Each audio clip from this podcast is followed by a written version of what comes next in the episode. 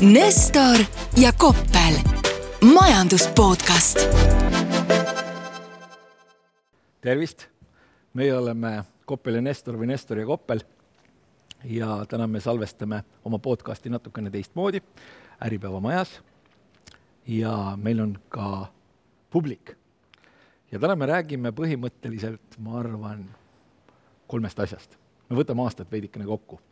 esiteks me räägime globaalsest majandusest kõiki kindlasti väga huvitab. siis me võtame, räägime sellest, kuidas see kõik on investeerimisega seotud ja siis tuleb äh, Mihkli leivanumber. aga ühesõnaga, globaalne majandus, investeerimine, äh, kuidas sellel aastal äh, läinud on ja siis lõpuks räägime veel veidikene Eestist ka. aga kui me globaalset majandust hakkame lahkama, siis me ilmselt ei saa mitte kuidagi üle ja ümber sellest, et meil on juhtunud päris huvitavaid asju see esimene huvitav asi on äh, sinu ja kindlasti ka minu lemmikteema, inflatsioon. mis sul selle kohta head öelda on? tekkis ikka nagu lootus, et, et me ei jõua nagu päris selliste numbriteni, nagu me jõudsime, aga näed, päeva lõpuks äh, pidin alla vanduma. aga no mul on muidugi on siin nagu niisuguseid klausleid, et äkki tegelikult noh, tead, päriselt nagu aasta alguses oli ka põhjust oodata, et ta nagu päris nii hulluks ei lähe, aga näed sa, selle sõja tõttu ikka läks. no mina olen selles mõttes äh, väga halva partei esindaja, kui nii võib öelda. minu arvates oli see konkreetselt äh, õnnetus, mis hüüdis tulles ja mina ootasin seda juba natukene kauem. et kui ikkagi äh, nii silmitult üle kümne aasta raha trükkida, et siis ühel hetkel see paraku ikkagi jõuab äh, ka nii-öelda tarbijahindadesse ja üleüldse ma leian, et see kogu see kommunikatsioon ja kõik see, mis selle inflatsiooni ümber on olnud, see on olnud kõrge meelelahutusliku väärtusega, sellepärast et alguses öeldi ju, et ei tule siis öeldi, et tuleb äh, natukene. siis, kui tuli natukene suurem, öeldi, et see on ajutine. siis oldi natukene aega ehmatunud ja siis lõppude lõpuks minu meelest ei öeldud enam midagi ja miks see kõik on oluline, on sellepärast, et see on teinud meil raha kallimaks. aga mis sul need huvitavad klauslid veel olid inflatsiooniga seoses? nagu mina ikka mõtlen nagu selle, selle aasta inflatsiooninumbrite peale, et siis nagu Ühendriikide puhul ma oleks sinuga ilmselt ka aasta alguses nõus olnud, et seal nii-öelda õnnetus hüüdis tulles, eks, et kui sa vaatad äh, millise imetabavuse suuruseni jõudis siis nagu Ühendriikides majapidamiste tarbimine ja mõeldes, et seal kuhugi see, need asjad peab kuhugi nagu sinna viima ja kõik see pool, siis, siis tegelikult oli teada jah, tõesti, et noh, ka seal on ka see inflatsioon ka väga nagu laiapõhjaline olnud ja, ja seal mul ei ole nagu seda mingi ühtegi klauslit seda agaga. aga Euroopa puhul, kui me vaatame seda aastat, et noh, tegelikult ju kuskil nelikümmend, viiskümmend protsenti sellest inflatsioonist on tulnud energiahindadest ja päris noh, seda, et meil äh, siin nagu sõda lahti läheb, et me vist ka isegi sõja eelõhtul ikka uskusime kõige paremat, et seda ei juhtu äh, jaa, aga siin mul tekib kohe küsimus, et kui sa ligi kaheksakümmend protsenti SKT-st äh, raha trükid, et noh, kas see siis ka Euroopas ei võiks nagu seda tausta veidikene luua? No trükiti ju ka ennem, on ju, aga näed sa, kõik oli hästi, midagi ei juhtunud ja noh, nii kaua kõike, noh, ma arvan, et ka nagu Ühendriikide puhul ju ikkagi selline äh, game changer oli see, et äh, kui ikka hakkad nagu raha peo peale inimestele panema, et siis on see hetk, kui sa nagu päriselt inflatsiooni saad. jaa, tõepoolest selles mõttes, et see graafik oli väga fantastiline, et see oli tegelikult sama fantastiline nii Ühendriikides kui Euroopas, ehk siis keskpanga bilansimaht oli tõusnud, tõusnud, tõusnud, tõusnud, tõusnud ja siis äh, pandeemia algusega põhimõtteliselt keskpankade bilansimaht läks otse ülesse ja see tähendas ikkagi siis seda, et see senine juba päris hoogne rahatrükk sai veel korralikult turbot juurde. nii et inflatsioon, mille peal me oleme kõik kannatanud ja siis seda üritatakse nüüd ohjata ja üritatakse ohjata sellega, et sa raha kallimaks no, sina oled väga õnnelik, lõpuks on nagu, sa oled kogu aeg rääkinud, et rahal ei ole hinda ja raha enam ei ole rikkuse akumuleerimise vahend, et no lõpuks on, kõik on jälle maailmas hästi. No, sa peaksid olema õnnelik inflatsiooni üle. ma ei tea, kas ta nüüd on hästi, sellepärast et noh, teenid kuskil kolm protsenti ja samal euroalal on inflatsioon kümme, et see miinus seitsmene reaalintress nagu mind väga õnnelikuks ei tee. no aga see on vaata selline, ütleme, Peeter Koppel ja Pärusmaa, et tavaline inimene vaatab, et näed, sama pangahoiuse pealt on intress võimalik saada, et väga ta, hästi. tavaline inimene läheb, vaatab, kuidas poes on äh, toit läinud kolmandiku võrra kallimaks ja näitab mingisuguses suunas rusikat. ja CD-plaadid miinus kümme protsenti, nagu me oleme vist juba varem rääkinud. jah, selles mõttes, kes ostab tänapäeval veel CD-plaate? aga võib-olla, kui me selle nagu globaalmajanduse teemadel nagu edasi veel rääkida, et noh, inflatsioon inflatsiooniks, aga noh, ma ütlen, et ka nagu niisama oli nagu päris põnev aasta, et äh, poliitikast räägime iga aasta aina rohkem, mulle tundub nagu ka selles maailmamajanduse võtmes, et äh, kus kedagi keegi ründama hakkab ja mis tagajärgi see siis nagu majandusele tooma to,, hakkab tooma. ja, ja no minu jaoks võib-olla selline nagu noh, asi, mida ma ikka ei uskunud, on see, et päriselt on tekkinud siis mingid ettevõtted, kes vaatavad Hiinat täna sellise pilguga, et ei julge seal enam väga toota ja nagu tõsi, tõemeeli nagu üritavad siis oma tootmist kuhugi teistesse riikidesse üle viia. et minu jaoks nagu Hiina on kogu aeg tundunud selline väga nagu pragmaatiline riik, et põristatakse trummi küll, aga noh, päriselt nagu raha kaotada keegi ei soovi, aga, aga see on nagu kuidagi nüüd on midagi justkui murdunud või? no midagi on justkui murdunud küll, aga nüüd on jällegi küsimus, et kui palju see murdunud on. sellepärast, et äh, mina olen nõus, mina Hiinasse raha panna ei taha, sellepärast et ma olen äh, selgel seisukohal, et kommunistid valetavad alati. aga nendel kommunistidel on tekkinud nüüd väikene hirm ja see väikene hirm on tekkinud neil sellepärast, et äh, nende võimu selline peamine tugisammas on olnud see, et kõigil on läinud kogu aeg elu paremaks ja siis nad on öelnud, et noh, vaat meie tegime nüüd, kui nad võtsid äh, seoses koroonakriisiga, keerasid majanduse kinni ja põhimõtteliselt iga äh, köhi ja kuskilt trammist kinni püüdsid ja ära isoleerisid, et äh, see üldiselt inimestele ei meeldi ja siis inimesed said suhteliselt pahaseks. ja üldiselt see mõjus ka majandusele halvasti. Ja nüüd tundub, et nad on veidikene kruve lahti keeramas. ja see kruvide lahti keeramine on selles mõttes huvitav, et et kui nad nüüd, loomulikult nad peavad läbi elama selle, et neil tuleb mingisugune suurem selline paraku haigestumise voog ja paraku surmade voog, aga siin erihinnangud on olnud sellised, et see, kui nad keeravad oma majanduse lahti, võib tekitada olukorra, kus globaalsele majanduskasvule tuleb terve protsendipunkt juurde. ja teine asi, mis nad ka ikkagi suhteliselt jõuliselt kipuvad olema tegemas, on see, et nad on, ajavad taga seda viieprotsendilist majanduskasvu mis tundub võib-olla päris äh, suur ja tõsine. ja lõpuks nad on ka aru saanud, et demograafilises kontekstis see ühe lapse poliitika polnud eriti hea. nii et kuigi ma arvan, et kommunistid valetavad alati ja kuigi ma arvan, et Hiinasse investeerimine on niisugune asi, mida tuleks teha erakordselt ettevaatlikult ja tuleks aru saada, et see jääbki tõenäoliselt suhteliselt odavamaks, siis ma pakuks, et pragmaatiline või selline tehniliselt mõistlik lähenemine on see, kui nad oma majandust lahti keeravad no muidugi see Hiina majanduse lahtikeeramine siis jällegi tähendab meie jaoks seda, et äh, kütus maksab natuke rohkem, ma saan aru. Äh, kütus maksab natukene rohkem ja gaas maksab natukene rohkem ja siin ei tasu ikkagi unustada ka seda, et kui me mõtleme mingisugusele sellisele huvitavale asjale nagu äh, nafta hind, siis jällegi hästi palju tahetakse rääkida, et selles nafta hinnas või alguses taheti rääkida, et kõrges nafta hinnas on süüdi see väike vastik äh, diktaator. raadios vist eile ütles, et ta pidi olema meeter viiskümmend kuus sentimeetrit pikk, mina ei usu, et ta nii lühike on. võib-olla on ikka meeter viiskümmend seitse. aga et selles on tema süüdi, aga noh, siin on ikkagi see väikene mure, et meil on äh, energiakandjates, meil on fossiilsetes kütustes niisugune struktuurne defitsiit ja see pitsitus on ikkagi tõsine ja see annab ühel hetkel selgelt äh, endast jälle märku ja aga no positiivse poole pealt, näed, on äh, jälle motivatsiooni teha investeeringuid, hoolimata siis intressimääradest, et äh, roheenergia tundub, et äh, tasub ära siis mitte ainult nagu aastal kaks tuhat kakskümmend kaks, vaid ka võib-olla nagu viie aasta pärast. no kui me investeerimise juurde läheme, siis me võime rääkida ju sellest, et roheenergia küll ma olen sinuga väike täiesti nõus, et see on õilis õige ja nii edasi ja nii tagasi, aga kui ma su käest küsin, et mis sa arvad, palju selline energiasektori börsil kaubeldav indeks, mis Ühendriikide energiasektori ettevõtetesse investeerib, et kui me aasta alguses võtame eurodes, et palju ta nagu kasvada võis? eurodes ma jään sulle praegu võlgu, ma just vaatasin, et äh, SB viissada ise oli nagu tegelikult aasta algusest miinus viisteist protsenti, mis äh, noh, asjaolusid arvestades mulle isegi võib-olla tundus nagu mitte niivõrd dramaatiline. Äh, jah, aga selles mõttes, et kui sa hakkad eurodes vaatama, siis äh,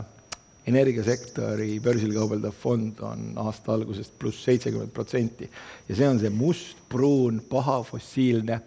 mm, äh, energia, mida põhimõtteliselt, mis annab meile ikkagi kuskil kaheksakümmend neli protsenti kogu sellest energiast, mida me nii-öelda maja, mida me sisuliselt äh, tarbime äh, üldse kogu energiakompotist. ja sellega on muidugi see to tore lugu, et äh, kui nüüd ühel hetkel oldi hästi rohelised, siis väga paljud investorid ei saanud sellesse äh, energialiiki võib-olla enam nii palju investeerida või ei saanud üldse investeerida. ja see tekitas sellise olukorra, kus eh, lihtsalt fundamentaalselt nende ettevõtete hinnatasemed olid päris soodsad ja kuna need eh, nii-öelda haisvad ja pahad, aga siiski väga hästi põlevad asjad, mida nad tootsid, nende hinnad läksid ülesse, siis äh, mulle tundus, et ainult keskpangad äh, ei olnud need, kes raha trükkisid, vaid energiaettevõtted said ka raha trükkida ja ma kujutan ette, et, et seal ikkagi need äh, pahad juhatuse liikmed võtsid, täitsid mõne vanni rahaga ja suplesid seal sees aga kui seda nagu investeerimisaastat kokku võtta, et eks on ju, selle sa tõid välja juba, et energia buumis, noh, ilmselt ka nagu võib-olla sõjatööstus nagu buumis, tehnoloogia kukkus, kuid nagu noh, mina, kes ma võib-olla nagu igapäevaselt on ju ei jälgi seal täpselt, et kui palju seal mingi aktsiaindeks tõusnud või langenud on, et ma täna vaatasin, et minu jaoks isegi tuli natuke võib-olla niisuguse nagu positiivse üllatusena see, et, et SB viissada meil on dollaris miinus viisteist protsenti, Euroopas äh, Stoxx kuussada oli miinus kümme protsenti et kui sa seda nagu võib-olla nagu uudisfooni vaatad, et on justkui tundunud, et tegelikult on nagu olnud mingisugune väga kohutav must karuturg, et noh, tegelikult see on tegelikult, mina ütleks ikka pigem selline korrektsioon, on ju. vaata, aga sa oled väga optimistlik, sellepärast et ma võin sulle täiesti rahulikult äh, rääkida ära, milles trikk on. trikk on see, et action kui selline ei toimunud üldse mitte aktsiaturul, vaid action kui selline toimus võlakirjaturul ja kui te nüüd mõtlete sellistele asjadele, mõtlete nii-öelda kontseptsioonile raha, eks see on siis usalduse vundament kõige madalama riskiga instrument justkui portfelli kontekstis, siis noh, see sai niisugust kahe, kahekohalist inflatsioonimäära. nii, ja kui me nüüd läheme järgmisele astmele selles nii-öelda püramiidis, liikudes riskitasemelt kõrgemale, aga ka suhteliselt justkui madal risk, riigivõlakirjad, siis pikaajaline Ühendriikide riigivõlg, jällegi kiusansid, mis sa arvad, palju kukkus aasta algusega võrreldes? no kümme. kolmkümmend viis protsenti kehvapoolne. kehvapoolne, nüüd kujuta ette, et selles mõttes, et sa oled mingisugune selline institutsionaalne investor, kellel on strateegiline allokatsioon ja sa pead olema hirmsamal kombel äh,, hirmsamal kombel võlas sees, okei okay,, sa võtad, keerad selle lühiajalisemaks, kõik, kõik, kõik, aga siis sa ikka said äh, põhimõtteliselt pihta mingisugune viisteist, kuusteist protsenti aasta algusega võrreldes. ja see on, ütleme, selline varaklass, võtad Ühendriikide selle suure võlakirjaturu, on ju, paned sinna kogu selle võlakirjaturu, agregeerid ühte siis nii-öelda näitajasse kokku, see oli ka kuskil miinus viisteist. ja see on nüüd, ütleme, see koht, kus tavaliselt noh, miinus viis on juba oo, hirmus. miinus kümme on juba niimoodi, et keegi pole näinud, aga et kuskil nurgas istus mingi halli peaga mees, kes vahepeal noori hirmutas sellega, miinus viisteist, no sellist, sellist tsirkust pole ikkagi nagu väga-väga äh, nähtud enne. aga nagu põnev on võib-olla selle juures siis see, et äh, noh, sina, kes sa väitsid, et sa nägid ette, on ju, et inflatsioon on äh, väga kõrge, no inflatsioon, kui ette näha, et see on väga kõrge, siis me peaksime teadma, on ju, et Keskpank tõstab selle peale väga kõvasti intressimäära, ehk siis oleks turg pidanud ette ennustama seda, et võlakirjad hakkavad kukkuma, aga noh, selles mõttes need liikumised toimusid ikkagi nagu pigem ju suhteliselt äkitselt ja nagu just selle aasta vältel, mitte kuidagi kaugelt ette. selles ongi kõige keerulisem nii-öelda teema investeerimise mõistes sellel aastal, ehk siis kõik äh, need liikumised, mis toimusid, toimusid erakordselt järsult ja erakordselt äh, kiiresti. ehk siis põhimõtteliselt sellel hetkel, kui sa jõudsid äh, reageerima hakata, siis selleks hetkes, hetkeks võis juba liikumine läbi olla, ehk siis just kui ma mõtlen nagu ka võlakirjade mõistes, siis on väga palju selliseid olukordi olnud sellel aastal, kus äh, selline klassikaline reegel, et üles, üles minnakse trepist, aga alla tullakse liftiga, siis see ei kehtinud. üles mindi küll trepist, aga lifti ei olnud, lihtsalt kukuti alla. no aga kui sa nagu proovid seda nagu selgitust sellele anda, et eh, siis tegelikkuses eh, noh, usuti siis ikkagi, et eh, Föderaalreserv näiteks ei riskeeri nagu niivõrd kiiresti neid intressimäärasid nii palju tõstma, eks, et kardeti, et võib-olla paisatakse tagasi majanduslangusesse ja majanduslangusega, noh, sellega on selline lugu, et võib-olla nad ei karda seda majanduslangust nagu nii palju, sellepärast et Ameerikas on, kipub tööturul olema sarnane olukord nagu meil, ehk siis kõik, kes on hobusest targemad, on tööl. ja no mis muidugi, kui nagu siit veel investeerimisteemadel edasi minna, et võib-olla ka nagu Eestis inimesi väga selline selgelt puudutab, on see kinnisvarasektor ja no ma ei ole siin võib-olla nagu globaalseid numbreid jälginud, aga siin enda huvist äh, piilun ikka seda, mis nagu Rootsis toimub, kuna see mõjutab suhteliselt palju ka seda, et nagu mis Eesti makromajandusest saama hakkab. ja, ja noh, sealne kinnisvara selline noh, peaaegu miinus viisteist protsenti hinna kukkumine on ikkagi olnud äh, põnev jälgida, kui pehmelt öelda. ja, ja tegelikult täpselt samamoodi on ju suuresti seotud sellega, et äh, millist poliitikat ajavad keskpangad, et kui sul noh, Rikspank ja ECB, et äh, on küll kaks eri panka, aga peavad ajama sama poliitikat ja, ja noh, olukorras, kus intressimäärad olid seal nulli juures, siis tundus Rootsis väga nagu mõistlik idee see, et sa paned oma üleliigse raha kinnisvara alla, võtad äh, nii-öelda tasuta laenu selleks ja ootad, et siis hinnad seal iga aasta pluss viisteist protsenti kasvavad. noh, täna oleme jõudnud sellesse situatsiooni, kus siis äh, olukord vastupidine, et äh, tahaks nagu väga ära põgeneda sealt Rootsi kinnisvara alt ja no., ja noh, see tegelikult noh, ei puuduta ainult Rootsit, et äh, see kinnisvara hinnalangus on olnud pigem päris laiapõhjaline. see on päris laiapõhjaline ja vaata, noh, mina olen lihtne inimene, mulle meeldib äh, päiksepaiste, värske vesi ja hästi praetud liha, mitte küll well done, aga nii. ja ma vaatan seda, vaatan kinnisvara sellises kontekstis, et eksisteerivad sellised toredad indeksid nagu financial conditions ehk siis võib-olla finantsilised tingimused või keegi kindlasti kuskil on mingisuguse äh, kenama termini välja mõelnud, et see põhimõtteliselt äh, Äh, näitab seda, et milline on siis raha kättesaadavus. raha kättesaadavuse üks komponent on hind. Ja kui mina vaatan, et see indeks, et see finantstingimuste indeks äh, mingisuguses piirkonnas, olgu see siis Ühendriigid, olgu see siis euroala, kui see ikkagi kogu aeg allapoole läheb, siis ma olen nagu täiesti veendunud, et äh, kinnisvara läheb sellega kaasa. Ja ajalooliselt on kinnisvara sellega alati kaasa läinud. Ja väga suure tõenäosusega läheb ka seekord ja veelgi suurema tõenäosusega läheb Äh, ka meil, sellepärast et äh, kuidas noh,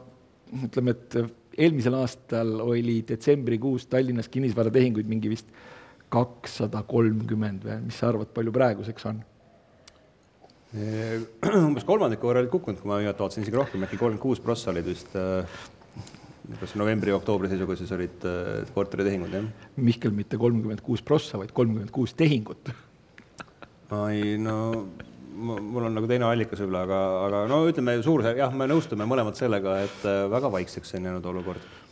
aga no mis iseenesest pole paha ju, siis on, lõpeb selle lihtsa inimese ekspluateerimine, et inimene, kellel tõesti on kodu vaja, tema peab selle ikka ostma, et äh, ei minda siis nagu susserdama sinna kuhugi, et mingisugust tootlust püüda, no mitte, et see nüüd võib-olla isegi Eesti turu puhul siin niivõrd oluline on aga kui ma mõtlen nagu niisugune globaalselt sellistele uudistele, kuidas siis kuskil suured kinnisvarafondid on mingitesse linnadesse sisenenud ja hakanud seal kinnisvara kokku ostma ja ja sellega nagu üürihindasid siis äh, tõstnud, et see on tekitanud parajalt sellist nagu pahameelt, äh, ütleme, sellises tavalises inimeses. et, et selle poole pealt, et kui kinnisvara ei ole nagu väga atraktiivne koht, kuhu oma raha parkida, siis ju mõneti võiks mõnel inimesel elu ka paremaks minna või? just nimelt ja sellega tuleb jällegi see, et vaata, tavainimene pahandab, et ta ei saa endale, eks ole, kodu osta, tavainimene pahandab, et äh, tal on inflatsioon kümme või meil üle kahekümne protsendi, on ju äh,, aga ütleme nii, et äh, ka seda nagu sellest päris juurpõhjusest minu meelest nagu liiga kõvasti ei kiputa rääkima, et noh, et miks seda raha trükiti, raha trükiti sellepärast, et valitsejad laenasid riigid maksejõuetuks tegelikult. Ja selles mõttes see tavainimene võiks nagu väga selgelt näidata rusikat hoopis teises suunas kui näiteks, ma ei tea, kinnisvaraspekulandid või kinnisvarafondid või või, äh, või, või pangad või, või isegi, või isegi keskpangad, sellepärast et keskpankadel ei jäänud vist väga palju muud üle, kui nad pidid trükkima, kui nad tahtsid, et tsivilisatsioon alles jääks ja aga noh, minu jaoks täna nagu need tõusvad intressimäärad, mis minu jaoks võib-olla nagu üllatuse tulnud, on see, et et see mure riigivõlgade pärast ei ole teps mitte nii suur, kui kohati on see mure nagu võib-olla erasektori võlgnevuse pärast või no ütleme, see mõju vähemalt, mis selle nagu majandusele jätab, et täna, kus raha päriselt midagi maksab, see erasektor ei taha sugugi mitte enam laenu võtta. Erasektor ilmselt ei taha selliste intressidega tõesti nii palju laenu võtta, noh, ka korteritehingute arvust, eks ole, tuleb see välja, aga kui sa nüüd mõtled äh, neid äh, riigivõla probleeme, et noh, kümne aasta seest pead võib-olla neli protsenti maksma, aga inflatsioon on kümme, siis reaalintressi noh, sügad kõhtu ja tunned päris suurt mõnu sellest, et võla reaalväärtus aina, aina väheneb ja ega see ülerullimine nüüd nii kallis ka ei ole. ja majandus kasvab nominaalselt isegi Itaalias. ja majandus kasvab nominaalselt isegi Itaalias kui siit nüüd tulla võib-olla lõpuks Eesti juurde, siis äh, mina vaatasin, et mis ma olin siis nagu aasta alguses kirjutanud oma, teen iga nädal seda oma nädala kommentaari, et mis ma olin siis nagu arvanud, et mida aasta võib endast tuua. Ja inflatsiooni ma seal küll mainisin, ta oli vist detsembris olnud kaksteist protsenti, aga uskusin ikka, et noh, tead, aasta peale toimub teatav kohanemine, inflatsioon hakkab aeglustuma ja põhjuseks siis see, et äh, tegelikult, et noh, selline võib-olla see disbalanss, mis meil on olnud selle nõudluse pakkumise vahel, et see laheneb kuidagi kiiresti ära, et äh, pakkumine kasvab, nõudlus väheneb siin tõusvate intressimäärade keskkonnas ja, ja saabub selline õnnis rahuperiood. no ei juhtunud seda ja no jällegi, et kui ma püüan endale siis nagu mingeid õigustusi otsida, et miks nagu siis see päris nii ei läinud, nagu ma arvasin, siis ma arvan, mis üks niisuguseid suuremaid üllatusi nii tegelikult äh, globaalselt kui ka Eestis oli see, et ikkagi kui tugevaks see eratarbimine päriselt äh, jäi ja siiamaani on jäänud, on ju. et äh, vaatamata siis sellele, et meil on siin inflatsioon kohati on ju kakskümmend viis protsenti, tegelikkuses nagu tarbimine noh, sisuliselt ei ole vähenenud ja võrreldes eelmise aastaga siin veel vähemalt nagu suve poole isegi kasvas üsna mühinal. et ja samamoodi jällegi noh, ma ütlen, tegelikult see trend on olnud globaalne, et väga tugev nagu tarbimine vaatamata inflatsioonile on ja on ilmselt üks neist põhjustest, miks me selle hinnatõusust sellises võtmes saame ka rääkida. aga siit mul tuleb kohe üks asi meelde, mis meil tegelikult eelmise teemaga rääkimata jäi, et kas sul on meeles äh,, kuidas me tõenäoliselt oleme andnud Eesti majandus podcastide ajaloo kõige parema soovituse äh, oma kõige esimeses podcastis ja tõenäoliselt me tegime seda liiga mok-, moka otsast ja ei surunud seda piisavalt hästi. aga on sul see meeles, mis see olla võiks? Ma, mina ei kuule neid järgi, aga sa oled seda teinud. Äh, ma lihtsalt mäletan seda, sellepärast et nii, nii sina kui mina olime sellega nii-öelda jõuliselt sama meelt, aga me ei surunud seda piisavalt äh, intensiivselt, sellepärast et noh, podcastis selliseid otseseid soovitusi anda, et see on selline väga libe tee. aga meie minu mäletamist mööda ütlesime jaanuarikuus suhteliselt alguses et äh, kui intressi fikseerimine on tasuta, siis võiks ju eluasemelaenu intressi ära fikseerida ja noh. seda ma tegin. no vot, sina tegid, sina tegid ja minul kahjuks polnud eluasemelaenu, aga kui oleks olnud, küll ma oleks fikseerinud vot see oli ka hea võimalus enda kodupanka reklaamida, sest keegi teine seda teenust ei pakkunud ei ma reklaamisin küll, aga siis kuna, kuna väga paljud olid kuskil mujal pangas, et neil ei avanenud seda võimalust lihtsalt. ma olen kuulnud ka mingisugusest eri, sellisest toredast härrasmehest, kes põhimõtteliselt kuskilt noh, näitas oma pangas kuskilt äh, mobiilist äh, swap'ide hindasid ja ütlesid, et noh, kui te ei fix'i, müüge mulle see swap, müüge mulle see swap ja selle peale talle üle leti võeti, vajutati nuppu, öeldi computer says no. aga ma, ma, kui ma räägin veel edasi oma sellest äh, nädala kommentaarist, et mis ma siis seal kuskil jaanuari alguses kirjutasin, et üks asi, millesse ma ka uskusin, on siis nagu reaalpalkade edasine kasv no sellega läks küll nüüd kehvasti, et äh, jah, selle jõuame siin aastasse pigem kaks tuhat kaheksateist tagasi see, seekord. no kuule, selles mõttes, et äh, ma võin siin küll äh, üritada särada oma särava sinise pintsakuga öelda, et küll ma nägin seda inflatsiooni ette ja küll nii edasi ja nii tagasi, no kuule, kahtekümmend nelja, kahtekümmend viit protsenti ei näinud mina ka mitte kuskil. nii et see reaalpalkade kasvu mm, eeldus struktuurses tööjõupuuduses ei olnud üleüldse midagi, mis oleks nagu rumal olnud aga see nominaalne palgakasv on muidugi alles jäänud, on ju, et äh, siin Maksuameti andmetel me räägime ikkagi ju siin kuskil üle kümne protsendisest, kaksteist protsenti nagu palgakasvust kohati isegi. ja, ja no selles võtmes äh, noh, ma üldse nagu, miks ma jätkuvalt nagu pean kohe, otsime nagu õigustust, et miks olla optimist, eks. et äh, üks see õigustus on see tegelikult, et kui sa vaatad nagu tööturu situatsiooni, et noh, Eestis sisuliselt on täis tööhõive, Euroopas üks kõige kõrgematest, et kõik, kes tööd teha tahavad, käivad tööl nende palka tõstetakse siin kümme protsenti aastases võrdluses, noh, mul on nagu keeruline siin nüüd hakata juukseid katkuma ja ütlema, et meid ootab katastroof, on ju, et äh, jah, et ega see tööturg Eestis kipub ka nagu reageerima äh, pigem kiiresti võrreldes mõne vana riigiga seal Euroopas nagu Saksamaa, aga nagu suures plaanis, ütleme, see tänane nagu vundament on ikkagi äh, noh, lausa imelises seisukorras Eesti majanduse puhul nagu võrreldes siin varasemate finantskriisidega tõepoolest, ja teine asi on muidugi see, et kui me sai alguses seda globaalmajandust äh, lahkasime ja kui see visioon näiteks Hiina kohta oli selline suhteliselt optimistlik, siis ka maailma suurima majanduse kohta oli see selline noh, piisavalt optimistlik selleks, selleks, et öelda, et võib-olla kui tuleb surutis, see surutis tuleb selline pehmeke.